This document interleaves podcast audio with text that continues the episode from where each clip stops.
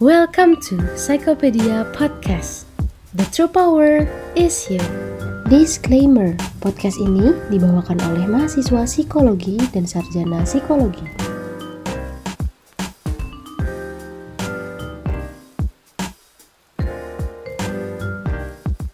Halo teman-teman semua, apa kabar? Uh, welcome to podcast Psychopedia 2021. Buat teman-teman yang barangkali belum tahu nih, uh, ini podcast sudah episode yang kedua loh. Dan buat teman-teman yang belum dengar episode yang pertamanya, boleh banget ya teman-teman nanti didengerin. Uh, kita perkenalan dulu. Nama aku Azalia Zara, biasa dipanggil Alia, mahasiswa angkatan 2020 Fakultas Psikologi Universitas Kristen Maranatha. Halo teman-teman semuanya. Di episode kali ini aku akan menemani Alia Perkenalkan, nama aku Angelina Novena Tricia, biasa dipanggil Vena.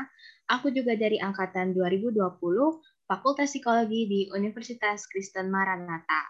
Alia, kita mau ngapain nih di episode podcast kali ini? Di podcast kali ini, Ven, kita mau ngobrol-ngobrol dan bahas-bahas sedikit tentang compassion. Dan tentunya nggak hanya ngobrol-ngobrol berdua, kita bakal ada tamu spesialnya loh. Wah, kayaknya episode podcast kali ini bakal menarik banget ya. Tapi sebelum kita menyambut tamu spesial kita hari ini, mungkin juga biar teman-teman pendengar juga penasaran nih sama tamu spesial kita. Aku mau ngasih tahu kalau ada satu quotes nih yang menarik yang sesuai sama tema kita hari ini. Dikutip dari pernyataannya Roy T. Bennett, quotes-nya berbunyi seperti We're all different, don't judge, understand instead. Arti dari quotes ini adalah, walaupun kita berbeda, kita tetap bisa harus saling menghargai perbedaan yang dimiliki oleh orang lain. Kita nggak boleh menjudge atau memberikan pandangan yang negatif dalam menghadapi perbedaan yang ada. Bener banget, Pen. Aku setuju sama kata-kata quotes-nya. Dan tadi sebelumnya kan aku udah ngomong bakal ada tamu spesialnya. Boleh kali ya, Pen, kita kenalin dulu tamunya. Dengar-dengar nih, tamu spesial kita hari ini juga adalah alumni dari Fakultas Psikologi Universitas Kristen Maranatha. Tanpa lama-lama lagi, boleh ya kita sambut tamu spesial kita hari ini. Halo, selamat datang Kak Marlina. Halo Vena, halo Alia. Halo Kak. Halo Kak, apa kabarnya nih Kak hari ini? Baik, kabar aku baik. Nah, aku sama Vena dan mungkin uh, teman-teman yang lagi dengerin podcast nih, Kak, pengen tahu kesibukan Kakak akhir-akhir ini lagi sibuk apa, Kak? Hmm, kalau misalkan akhir-akhir ini, kesibukan aku itu kerja gitu. Cuman kebetulan karena memang kondisinya kan lagi nggak begitu baik ya sekarang uh, COVID-nya lagi naik lagi. Jadi seminggu terakhir ini aku lagi WFH. Jadi mungkin ada beberapa waktu senggang gitu. Kalau boleh diceritakan nih Kak, kerja di mana dan sebagai apa Kak?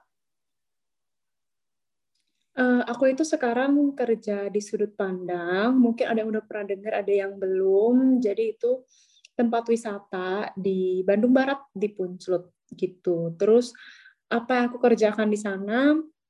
Aku di sana itu megang sebagai HR dan kebetulan juga beberapa waktu belakangan ini aku bantu untuk backup di bagian marketingnya gitu.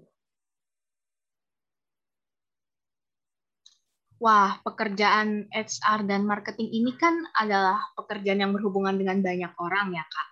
Dengar-dengar waktu kuliah Kakak juga udah mulai sering nih berhubungan dengan banyak orang. Contohnya aktif dalam organisasi. Dalam berorganisasi ini kan pasti melibatkan hal-hal seperti emosi, perasaan, dan belas kasih. Nah, berarti Kak Marlina ini udah cocok banget nih jadi narasumber kita di Psychopedia Podcast episode kali ini karena kita akan membahas tentang compassion. Iya betul, betul Vena. Maksudnya uh, aku uh, pas kuliah memang lumayan aktif di organisasi gitu dan betul juga memang uh, melibatkan emosi dan juga mungkin belas kasih gitu. Tapi sama aja kok dalam penerapannya sama-sama kita belajar. Semoga benar bisa menerapkan compassion dalam keseharian kita. Tapi Kak, sebelumnya kan yang aku tahu nih di kuliah di psikologi tuh dari tugas-tugasnya juga udah lumayan cukup banyak ya Kak. Dan kegiatannya pun udah cukup padat. Nah, Boleh diceritain sedikit nggak kak cara kakak untuk membagi waktu antara organisasi dan perkuliahan? Uh, sebenarnya cukup sulit sih gitu. Aku juga coba beberapa waktu gitu untuk coba uh, gimana ya caranya ini harus adaptasi gitu dengan kegiatan, terus akademik juga gitu. Uh, kalau misalkan dulu sih jujur aku mengurangi me time gitu mengurangi me time mungkin di akhir minggu atau mungkin di malam hari jadi karena uh, ngabisin cukup banyak waktunya di kampus jadi pulang ke rumah itu nggak time jadi langsung lanjut untuk nugas Wah, kayaknya kalau dibayang-bayangin Kak dan diingat-ingat zaman dulu kayaknya Kakak lumayan sibuk ya Kak dari Senin sampai Minggu. Iya, lumayan kalau untuk kalau diingat-ingat bener juga gitu. Kak, aku, Alia, dan mungkin teman-teman pendengar juga penasaran nih. Alasan kakak tertarik untuk terlibat di dalam podcast itu apa sih, Kak? Um, Oke, okay. jadi kenapa aku tertarik?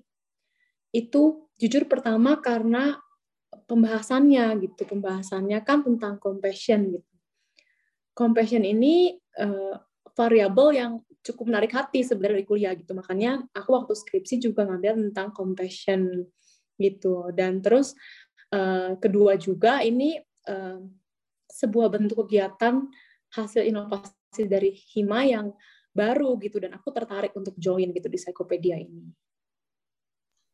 Wah, berarti ilmu dari compassion udah banyak nih Kak diambil dari kuliah ya Kak? Ya, lumayan.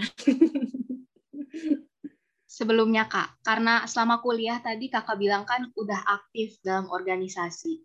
Apakah Kakak dulu juga sudah pernah terjun ke dunia perpodcastan atau mungkin ini baru pengalaman pertama Kak? Ini pengalaman pertamaku, pengalaman pertama aku makanya aku uh, excited sih untuk bisa join bareng Psikopedia gitu. Nah, kan karena ini pengalaman pertama juga, harapan kakak buat para pendengar podcast Psikopedia nih setelah dengar podcast ini tuh apa?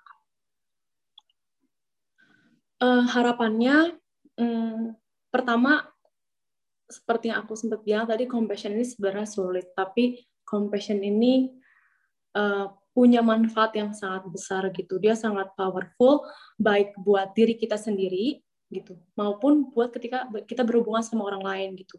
Makanya aku harapin dengan beberapa episode yang disajikan oleh Psikopedia ini bisa bantu kita semua dan pendengar untuk lebih paham apa sih compassion gitu dan bisa belajar untuk menerapkan di kehidupan sehari-hari karena manfaatnya juga baik banget dan bagus banget gitu. Wah, aku setuju banget sih sama pendapat kakak. Terus kalau boleh tahu kak, gimana nih perasaan kakak saat pertama kali mengetahui bahasan podcast episode kali ini itu tentang compassion? Excited sih, excited terus jadi ikut penasaran gitu. jadi jadi pengen cari tahu lebih lanjut uh, sebenarnya bisa nggak ya seseorang itu memiliki compassion yang berlebihan gitu. Kalau menurut kakak, kakak tuh udah berupaya untuk memiliki compassion itu sendiri belum kak? Kalau misalkan menurut aku pribadi, aku merasa sudah berupaya untuk memiliki compassion. Boleh nggak kak disebutin salah satu upaya kakak uh, untuk bisa memiliki compassion itu apa kak?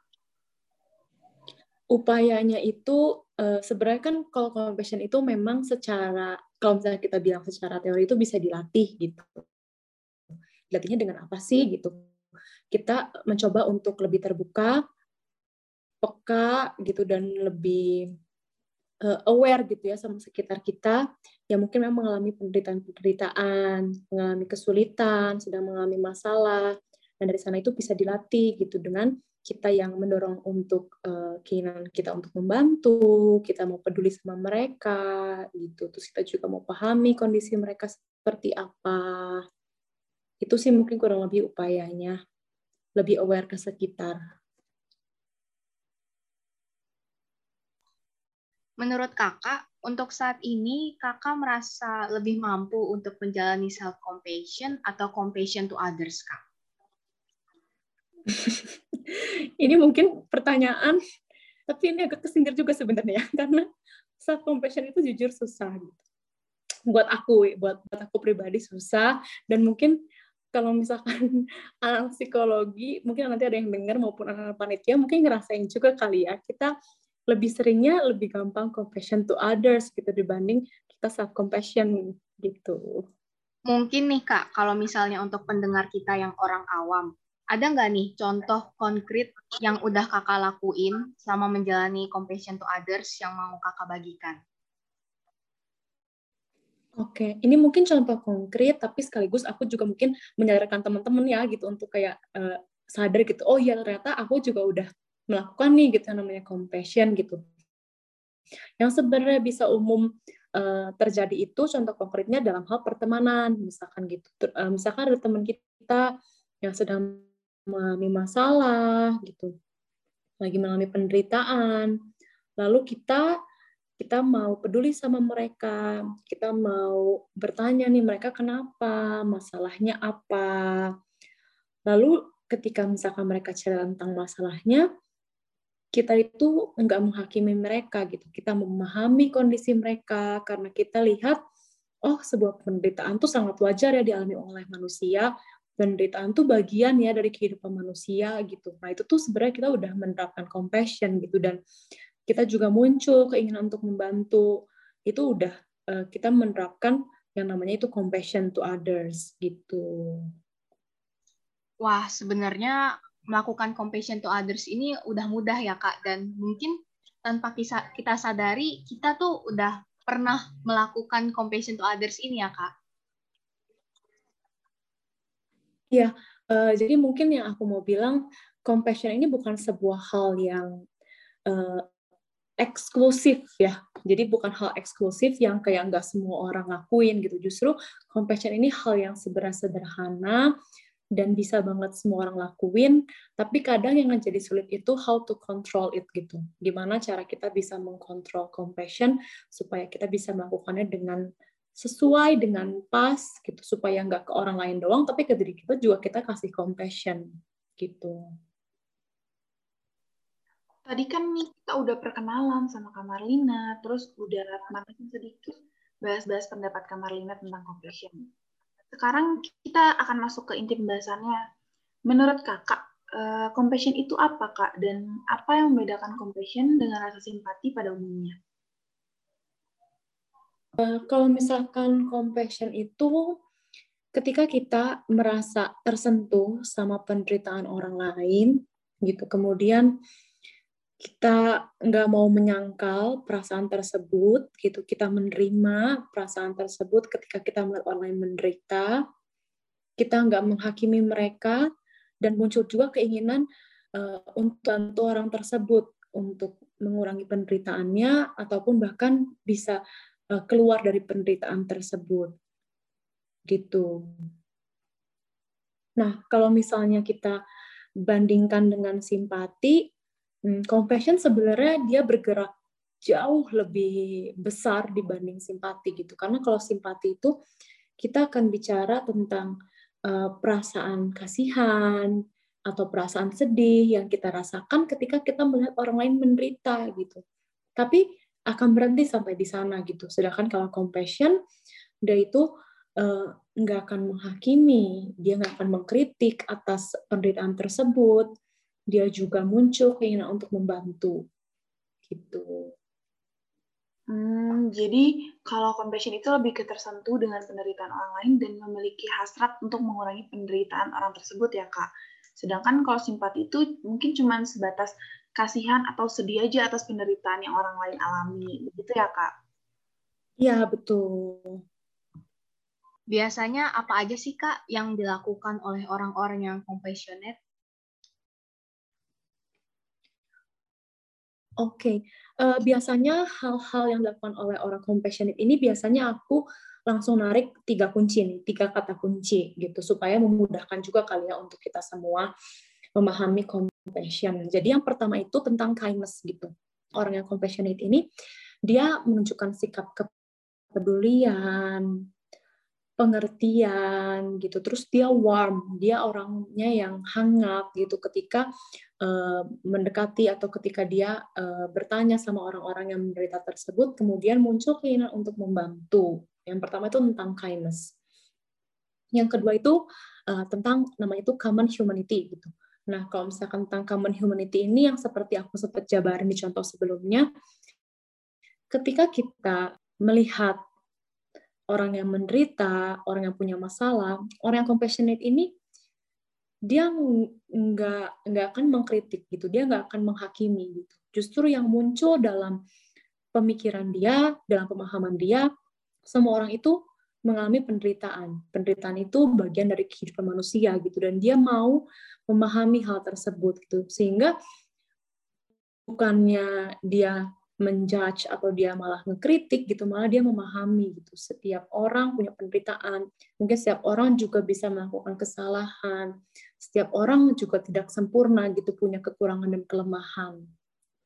Kemudian yang ketiga itu kata kuncinya itu mindfulness nah mindfulness ini terjadi ketika kita mau membuka diri kita supaya orang lain tuh membagikan penderitaan mereka terhadap kita gitu membagikan dalam arti kita mau nih terlibat gitu. Kita nggak menyangkal, kita nggak menutup diri gitu sama sekitar kita yang mengalami penderitaan gitu. Ketiga kunci ini sebenarnya aku dapat juga ketika aku belajar dari teorinya compassion itu by Christine Neff gitu. Jadi teman-teman kalau mau cari lebih lanjut boleh banget di bukunya dia gitu.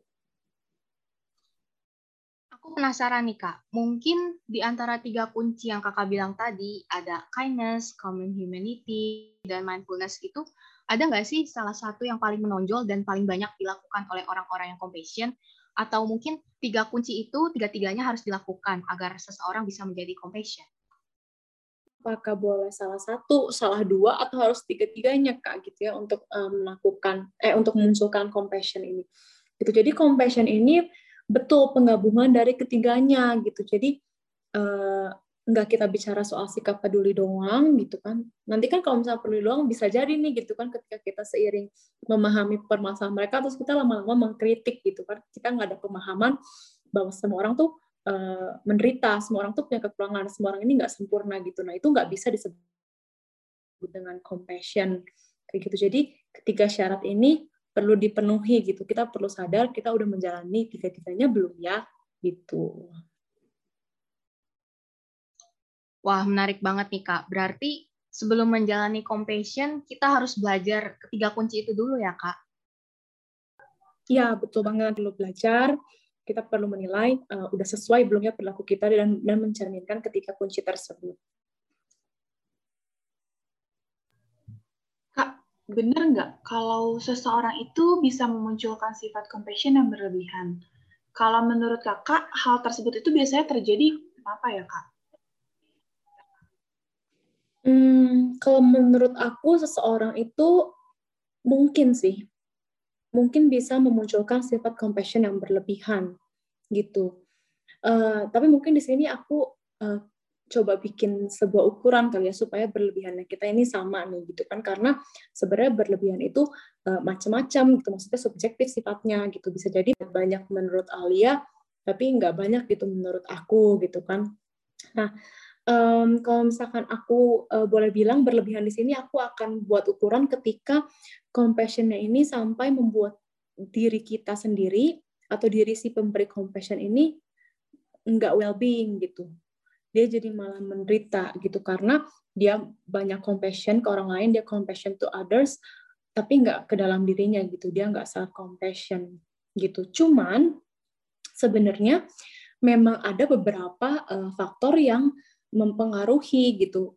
Uh, kita nggak bilang berlebihan ya, tapi kita bilang kayak oh compassion ini tinggi nih gitu, compassion si A tinggi, compassion si B tinggi. Sebenarnya apa sih gitu yang bisa berpengaruh?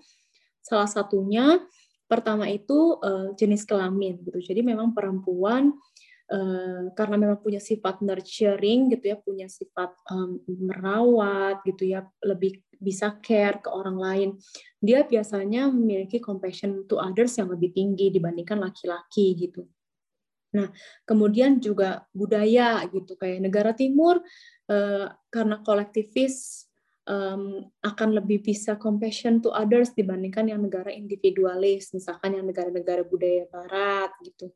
Nah, itu mungkin uh, kayak dari hal-hal yang seperti itu juga mungkin kadang jadi pandangan yang kayak dia berlebihan ya gitu, dia berlebihan ya gitu. Padahal sebenarnya ya mungkin ada faktor-faktor tersebut gitu.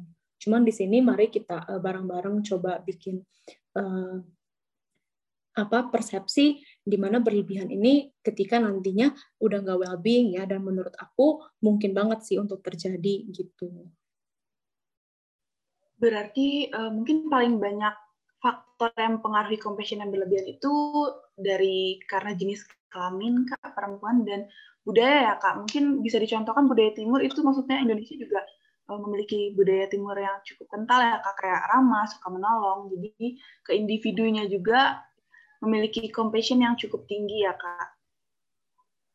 Ya kurang lebih dua itu sih yang bisa aku uh, share uh, dan coba dimasukkan podcast ini gitu. Menurut ilmu yang sudah kakak dapatkan nih selama kuliah dan pengalaman yang kakak dapatkan juga selama kerja, ada kemungkinan nggak sih kalau compassion ini justru dimanfaatkan oleh orang lain Uh, karena memang tidak ada yang mustahil ya di dunia ini. Jadi menurut aku mungkin banget gitu ketika uh, compassion ini justru jadi dimanfaatkan oleh orang lain gitu. Dan kalau sepengalaman sih, jujur kalau aku merasa nggak pernah ya, atau mungkin aku yang tidak sadar sebenarnya. Cuman uh, karena sebenarnya kita sulit ya ketika kita helping people, kita nggak bisa mengkontrol apakah dia memanfaatkan situasi tersebut atau tidak gitu. Jadi mungkin ini aku sedikit sharing, semoga bisa bantu teman-teman juga gitu.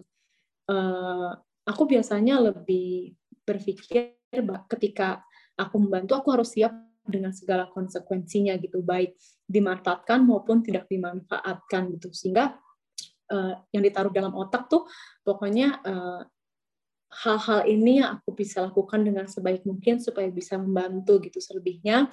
Biarlah menjadi urusan orang tersebut dengan uh, yang lebih berkuasa gitu. Gitu sih kalau aku mikirnya. Jadi kadang uh, mungkin akan lebih bingung juga gitu ke kitanya dan akan lebih jadi uh, jatuhnya takutnya nggak tulus gitu kalau memikirkan dimanfaatkan atau enggak ya gitu tapi ya udahlah gitu supaya untuk supaya kita juga lebih happy, nolong orang lebih legowo gitu ya. Biarlah kita berpikir bahwa oh kita ini bantu mereka, selebihnya biarlah menjadi urusan mereka gitu sih. Tapi memang nggak mudah gitu karena kita juga kan manusia. Wah mungkin ini insight ya buat teman-teman semua yang mendengarkan. Mungkin kita boleh nih bantu orang lain, tapi juga kita harus tahu batasan juga ya kak. Soalnya jangan sampai niat kita untuk membantu orang lain nanti malah menjadi bumerang untuk kita sendiri. Betul, betul banget gitu. Kadang kita juga perlu gitu apakah uh, untuk mikir kayak apakah diri kita siap gitu kan untuk membantu gitu kan gitu. Kak, kalau kita berlebihan dalam compassion, itu apakah termasuk hal yang negatif? Um, kalau misalkan kita berlebihan dalam compassion gitu dan boleh aku langsung asumsikan ketika kita uh, compassion ke orang lainnya besar berlebihan dan tidak diimbangi dengan uh, compassion untuk diri kita atau self compassion itu betul banget akan berdampak buruk gitu kan dan kalau misalkan dibilang buruk kenapa kak? Gitu kan. Emang emang apa akibatnya gitu. Kalau misalkan kita compassion ke orang berlebihan dan tidak diseimbangkan dengan compassion sama diri sendiri, kita itu um, kan berarti akan uh, memindahkan atau misalkan kayak kita bakal merasakan apa yang orang lain rasakan. Jadi misalnya kita akan merasakan mungkin cemas, mungkin ikut juga stres gitu karena kita apa coba memahami kondisi orang tersebut gitu itu akan menghabiskan energi uh, mental kita gitu. Kita akan lelah. Sehingga kita sendiri bisa stres gitu karena kita uh, berlebihan memberi ke orang gitu tapi tidak diseimbangkan dengan self compassion gitu. Jadi kayak ya kesannya ya gitu atau analoginya gitu kayak kita uh, memberikan, kita memberikan terus, kita menyirami gitu. Tapi kita sendiri nggak nggak disiram gitu, kita sendiri nggak nggak dipahami, kita sendiri nggak dimengerti gitu karena biasanya nih ya kita kita bicara soal biasanya gitu.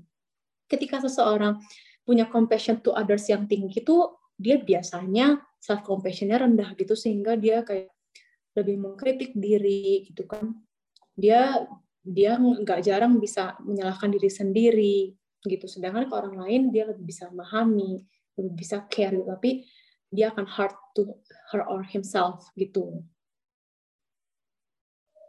Jadi sebenarnya sesuatu yang berlebihan itu tidak baik ya kak. Termasuk compassion juga tidak baik karena akan menjerumuskan kita ke sesuatu hal yang negatif ya kak Iya betul karena seperti yang kita sudah pelajari bersama segala sesuatu yang berlebihan tidak baik gitu. Tadi kan kita udah bahas tentang compassion yang berlebihan ya kak. Jadi kalau compassion yang berlebihan dengan aktivitas empati adalah suatu hal yang negatif, gimana sih kak cara yang seharusnya kita lakukan untuk menumbuhkan empati yang non reaktif? Oke, okay. um, ya betul banget ketika kita misalkan compassion berlebihan, terus kayak kita nggak bisa mengontrol hal, hal tersebut, berarti kan uh, empati kita itu disebutnya reaktif ya gitu. Nah yang kita butuhkan uh, rea, uh, empati yang non reaktif gitu. Caranya ini sebenarnya juga perlu awareness gitu. Pertama untuk empati yang non reaktif kita sendiri harus aware sama apa yang kita rasakan gitu. Gimana sih gitu supaya kita bisa aware? Kita harus bisa tenangin diri kita. Gitu. Kita harus um, kondisi internal kita juga harus baik dalam arti kita nggak tegang secara emosinya gitu. Dan itu tuh bisa membantu kita untuk berpikir lebih jernih gitu. Empati yang nantinya non reaktif uh, eh, yang akan didapatkan setelah kita uh, pikirannya dan perasaannya juga stabil dan dan jernih itu akan membantu kita untuk bisa melihat eh, hal-hal uh, apa yang sebenarnya itu bisa membantu orang lain yang menderita gitu. Kan kalau misalkan orang punya problem orang orang lagi masalah itu dia kan uh, katakanlah otaknya itu kan lagi kayak benang kusut ya gitu. Jadi kayak chaos banget itu dalam otak dia gitu. Dan sering banget bikin orang tuh nggak bisa berpikir jernih gitu. Nah kita sebagai yang membantu ini kita punya tugas untuk memiliki empati yang non reaktif jangan sampai kita memiliki empati yang reaktif gitu yang dapatkan dengan cara tersebut. Kita harus tenangin diri kita terus kita juga harus bisa menjernihkan pikiran kita supaya nanti kita bisa lebih memungkinkan untuk membantu mereka untuk memberikan sudut pandang sudut pandang apa saja nih yang sebenarnya bisa uh, diterapkan sama mereka sehingga masalahnya bisa berkurang masalahnya juga bisa selesai gitu Wah, aku setuju banget nih sama Kak Marlina, karena penting banget ya untuk memperhatikan diri kita sendiri juga, baik pikiran kita maupun emosi, sebelum akhirnya kita bisa berempati kepada orang lain. Iya, betul banget. Tadi kan Kak kita udah bahas nih kalau kita berlebihan dalam compassion itu termasuk hal yang negatif dan tadi juga Kak sudah menyebutkan sedikit akibatnya. Boleh jelaskan nggak Kak lebih jauh akibat kalau kita menimbulkan compassionate yang berlebihan? Oke, okay. ketika kita mempunyai compassion yang berlebihan dan tidak diseimbangkan dengan self compassion, kita akan capek sih gitu. Kita akan lelah lelah secara mental ya terutama dan lelah secara mental tuh sangat-sangat lebih menyiksa dibandingkan lelah secara fisik gitu. Karena uh, seperti yang kita ya uh, kita kan memberi, memberi gitu. Ketika kita memberi itu kan kita uh, habis energi kita gitu kan. Tapi kita nggak memberikannya sama diri kita sendiri gitu. Kita nggak memberikan pengertian yang sama, kita nggak memberikan pemahaman yang sama, kita nggak warm sama diri kita sendiri gitu. Jadi besar banget kemungkinan kita akan tersakiti secara emosional gitu dan kita akan lelah gitu. Bahkan uh, kemungkinan terburuknya nih gitu kita bakal ikut stres dan bahkan bisa juga depresi gitu karena tekanan yang uh, dimiliki gitu. Jadi mungkin kita harus balik lagi ke persepsi yang umum ketahui ya kak kalau sesuatu yang berlebihan itu tidak baik dan kalau compassion berlebihan juga akibatnya energi kita jadi terkuras banyak ya kak jadi banyak dampak negatifnya ke diri kita sendiri. Iya betul betul gitu Alia. Nah kita udah sampai di pertanyaan terakhir nih kak. Tadi sepanjang kita ngobrol-ngobrol udah bahas banyak banget tentang compassion kalau diperhatiin nih dari pembahasan kita tadi, compassion itu kan adalah suatu hal yang positif, tapi untuk alasan tertentu, compassion itu juga bisa menjadi suatu hal yang negatif. Contohnya tadi ada compassion yang berlebihan dengan reaktivitas. Jadi, efek buruk dari compassion ini apa aja nih Kak sebenarnya? Lalu kira-kira gimana cara kita untuk membatasi rasa compassion dan empati yang berlebihan? Oke, jadi kalau misalnya untuk efek buruk itu uh, mungkin beberapa seperti yang aku sudah sebutkan sebelumnya, kayak kita akan merasakan lelah gitu kan, kita bisa stres gitu karena kita terfokus untuk membantu orang, kita terfokus untuk memberikan perhatian dan pengertian sama orang gitu, dan kayak mungkin banget kita kayak justru kehilangan diri kita sendiri gitu karena kita terlalu lelah. Dan uh, gimana ya untuk membatasi rasa compassion dan empati yang berlebihan. Pertama itu dengan uh, yang tadi ya, empati yang non reaktif gitu. Jadi kita harus belajar untuk menumbuhkan dan mengembangkan empati yang non reaktif dalam diri kita gitu. Dengan cara tersebut kita akan lebih bisa mengontrol emosi, bisa mengontrol ketegangan emosi dalam diri kita, pikiran kita bisa lebih jernih, sehingga kita bisa menyalurkan compassion ini dengan sesuai gitu.